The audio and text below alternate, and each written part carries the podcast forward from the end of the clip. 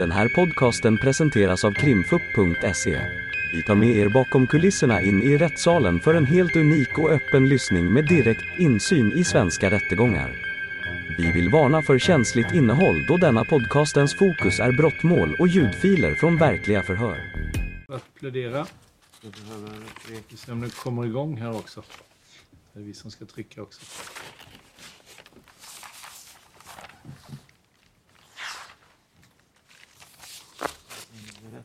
Och jag lämnar över ordet till advokaten Bar David. Tack, ordförande. Ja, eh, det här blir en plädering om det så kallade frisörmordet. Det är mycket som kallas olika saker i media och det är väl så många refererar till det. Men det är ju på Åmarmalla då. Jag börjar med invändningarna. Vi håller inte med åklagaren om flera saker och det här är ju bland annat. Vi håller inte med om att det här är flyktvägen som man talar om. Från ax till limpa. Eh, det är inte visat att eh, var gärningsmännen har stannat, om de har tagit av sig sina kläder, var de eventuellt har tagit av sig dem och så vidare. Eh, vi håller inte med om att tröjan med Khans, Hassan Khans DNA används av skytten. Vi ser även annat som dumpas i området, Svaleboskogen och liknande. Eh, och vi menar också att det inte är klarlagt vem eller vilka, om man vill kalla det för grupp, grupper, krets, ur eller hela, som har begått det här mordet. En viktig del som jag tror rätten är trött på att höra, men jag kommer säga den ändå, det är åklagaren som bär bevisbördan. Bör bevisbördan, nej, bär bevisbördan för gärningen. Varken åklagaren i sig eller åklagarens rubriker är bevisning. Det är viktigt att ha med sig det. Att skriva en sån här rubrik.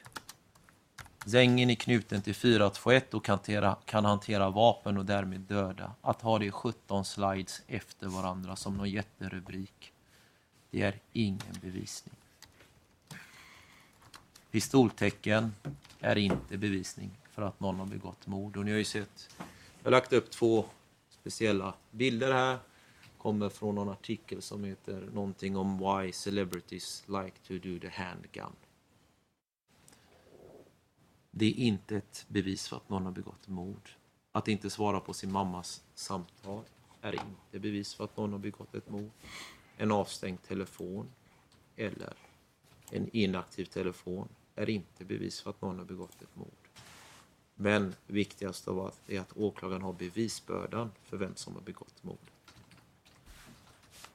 Bevisbördan för sitt påstående. Arbetshypotesen har ju varit med all tydlighet, och det kommer jag visa ännu mer senare, att man hittar Hassan Khans DNA på en tröja. Den, det normala är då att man ställer sig frågan, hade han eller annan på sig den vid tillfället? Hur har DNA kommit dit? Hade det med mordet att göra? Finns det något tekniskt stöd för att tröjan hade med mordet att göra? Och är man konsekvent om sina slutsatser? Eller med sina slutsatser? Det är viktigt att ha med sig det. Eh, för när man talar om hypoteser så är det så att i en viss intelligens eller intelligent hederlighet så får man oftast vara konsekvent. Jag kan ge ett exempel på det innan jag går vidare. Eh, när jag var åklagare, det var ju ett tag sedan nu, eh, så hade vi, eh, på den tiden var det ju populärt med de här ålderstesterna. Eh, vi hade ju massa 40-åringar och 30-åringar och 25-åringar som påstod att de var 16 år. Eller 15 år eller 14 år. Va? Eh, det är väl empiriskt visat idag att de flesta inte var det. Eh, så man gjorde ju eh, tandprövningar på dem, benprövningar och så vidare. Och vad, eh, ofta så visar ju tänderna och benen samma. Men en gång hade jag en kille där tänderna visade att han var yngre och benen visade att han var äldre. Och då sa jag, då får jag vara konsekvent i detta. Att om inte vi får ett entydigt svar här så får man, kan man inte använda det här eller påstå att han är äldre. Det var en av flera. Alla andra visar ju samma slutsats, det vill säga att de var äldre. I det här målet kommer jag visa att man inte har varit konsekvent med sina slutsatser. Jag hoppas jag hörs. Jag kanske ska närma mig mikrofonen. Oh, tack.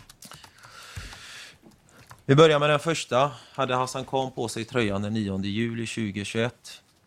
Då har jag inte kommit in på om tröjan användes vid mordet. Han var 18 år vid tiden för den här gärningen. Har med i det. De är många vänner som umgås.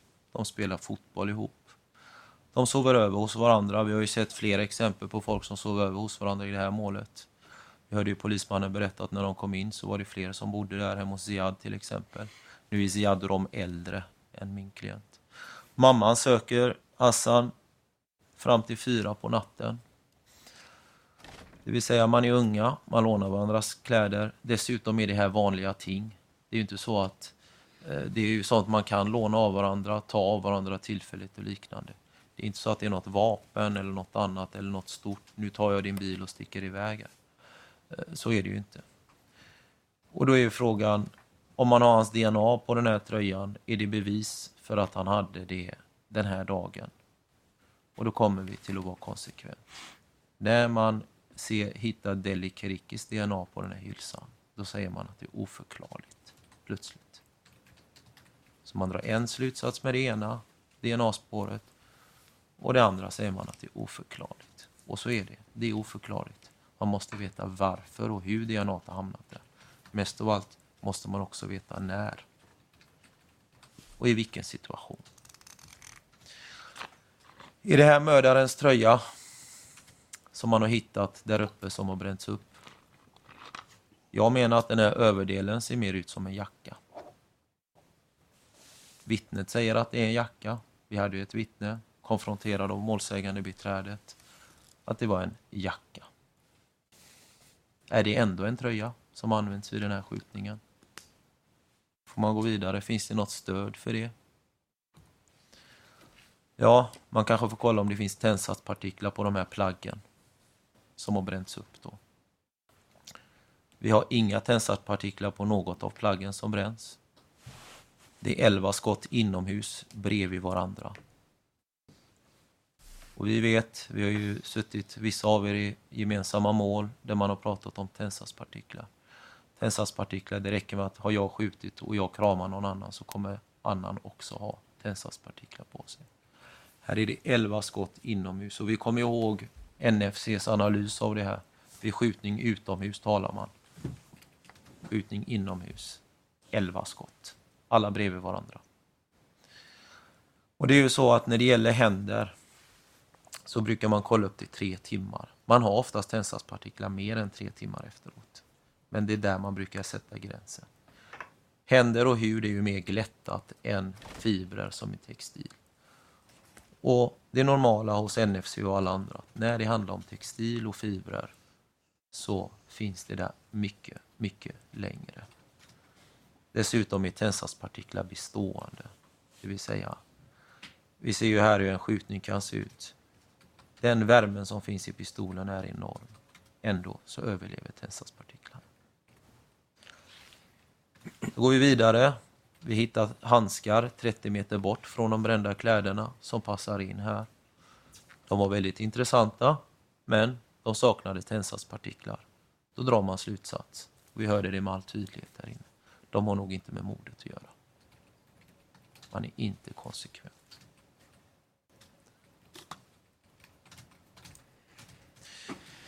Identifikation, eh, särprägling, fattning av vapen. Eh, jag läser den. Den tål alltid att läsas. Jämförelsebilderna visar hur båda skyttarna har liknande handfattning av respektive vapen. Och slutsatsen var att det var en särpräglad handfattning som skytten hade. Eh, och sen så hittar man något liknande som min klient hade när han sköt i Turkiet. En månad senare. Och säger man att eh, den är särpräglad. Vapnet hålls i höger hand med stöttning av sekundär vänster hand. Och precis som vi har sett nu från polisens instruktionsvideo, eller den här broschyren och militärens, så är det det normalaste. Det är så normalt det kan vara. Hem och testa eh, sopkvasten så ska ni se. Vänster tumme är krokad och vilande över, hö över höger tumme. Det vet jag inte om jag är ensam om att det, man kan se det. Men sen kommer den ännu bättre delen. Sen är vänster och höger handflata ifrån varandra och blottar vapnets kolv. Jag hittade, jag bara sökte på nätet, jättelätt. Bland de första bilderna när jag äntligen fick fram där man kunde se en skytt från skyttens håll mot vapnet. Då. Och då ser man att blottad kolv är typ det vanligaste. Det finns en och annan polis och en och annan som har ungefär som ett dasslock till händer. De kanske kan sluta ett helt vapen. Det där är en särpräglad handfattning. Att man lyckas sluta, sluta allt. Men man kan hålla på och lägga procent på det. Det är inget särpräglat när kolven syns. Jag vet inte hur mycket man kan se av kolven på skyttens vapen. Då är frågan varför har det gått så fel i det här målet? Jo, det är ju för att man inte har följt de vanliga identifikationsprinciperna i det här målet. Kollar man till exempel, eh, och jag var lite, eh, jag misstänkte lite att när det gäller de här bilderna eh, där man försöker göra jämförelser med min klient så stämmer inte riktigt nyanserna alla gånger. Och nu när man ser de här bilderna som vi fick idag, då ser man att pixlarna är mycket, mycket större och mycket tydligare. Men så om man mörkar en bild så suddas gränserna mellan pixlarna upp, eh, bort lite. Va? För ser man de fotona, då ser man tydliga fyrkanter.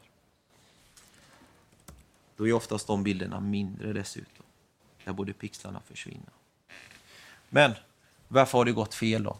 Jo, det är för att man inte har följt identifikationsprinciperna som man har normalt sett. Det här är från ett rättsfall. Det här förekommer i jättemånga rättsfall. Den här. Man ser ju att den klistras in från dom till dom. Jag har hittat den i något rättsfall och många fler.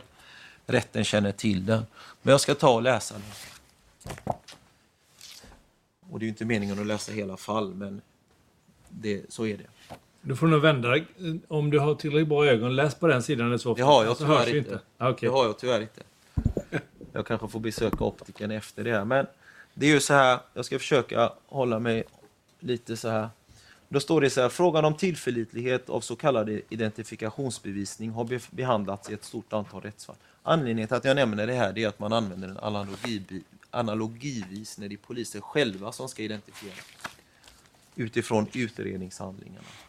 Domstolarna har intagit den ståndpunkten, jag är på andra stycket, att stor försiktighet måste iakttas vid värdering av sådan bevisning eftersom erfarenheten visar att också i övrigt trov, trovärdiga personer kan missta sig vid en identifiering. Eh, och sen går man in på en särskilt okänd person. Men vi går till nästa del. Då står det så här, det har framkommit att även personer som är vana att göra observationer och som är övertygade om sin egen identifiering har visat sig ha fel, sedan det i efterhand har kommit fram att de har pekat ut fel person som gärningsman. Domstolen måste därför vara uppmärksam på varje svaghet i en identifikationsbevisning. Särskild, särskild, måste, särskild vikt måste läggas vid hur en identifiering gått till och vilka förutsättningar den person som pekat ut en person som gärningsman har haft i efterhand att peka ut rätt person. Och så går man vidare och så vidare. Va? Och eh, när man har vittneskonfrontation och när de ska peka ut eh, någon gärningsman bland alla de här så står det då, det andra underskrivna, så står det så här. Eh, för att undvika eh, omedveten påverkan rekommenderas därför att konfrontationen om möjligt leds av en person som inte tidigare deltagit i förundersökningen och som inte själv vet vem den misstänkte är. Men hur ser då identifikationsbevisningen ut i det här fallet? Jo, den är helt och hållet grundad på arbetshypotesen. Man hittar ett DNA och sen jobbar man därefter. Och så väljer man att stretcha ut det lite i alla möjliga. Man går in på särpräglad handfattning, man tycker en pixlad bild bör vara en person. Det är ingen extern person som överhuvudtaget har identifierat i det här målet. Utan det är en del av utredningen. Man vill att det ska vara rätt den här gången. Men man kan inte göra så. Vapnet, och så vidare. Viktigt att ha med sig det.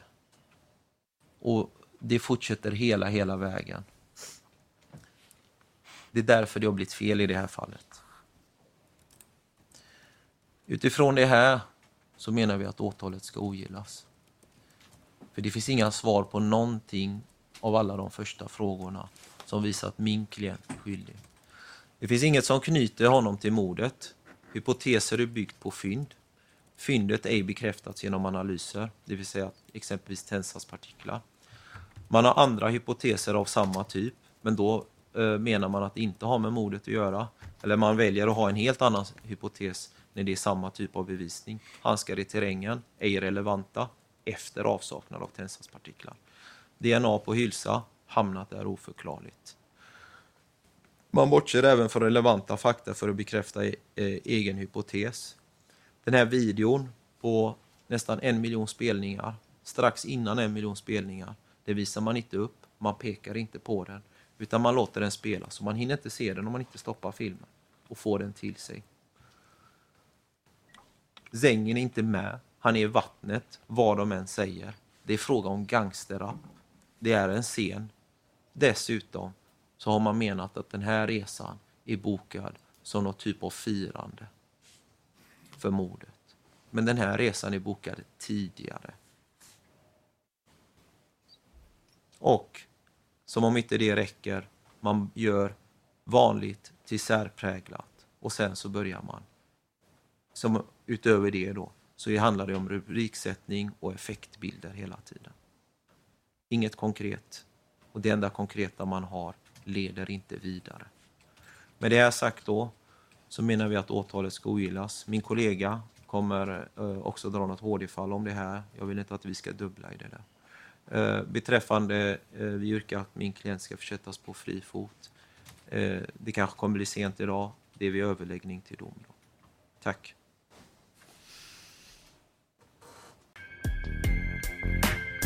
Ni har lyssnat på ett avsnitt av Krimfux podcast. Tipsa gärna oss på krimfupp.se om det är någon speciell rättegång ni skulle vilja höra. Tack för att ni har lyssnat.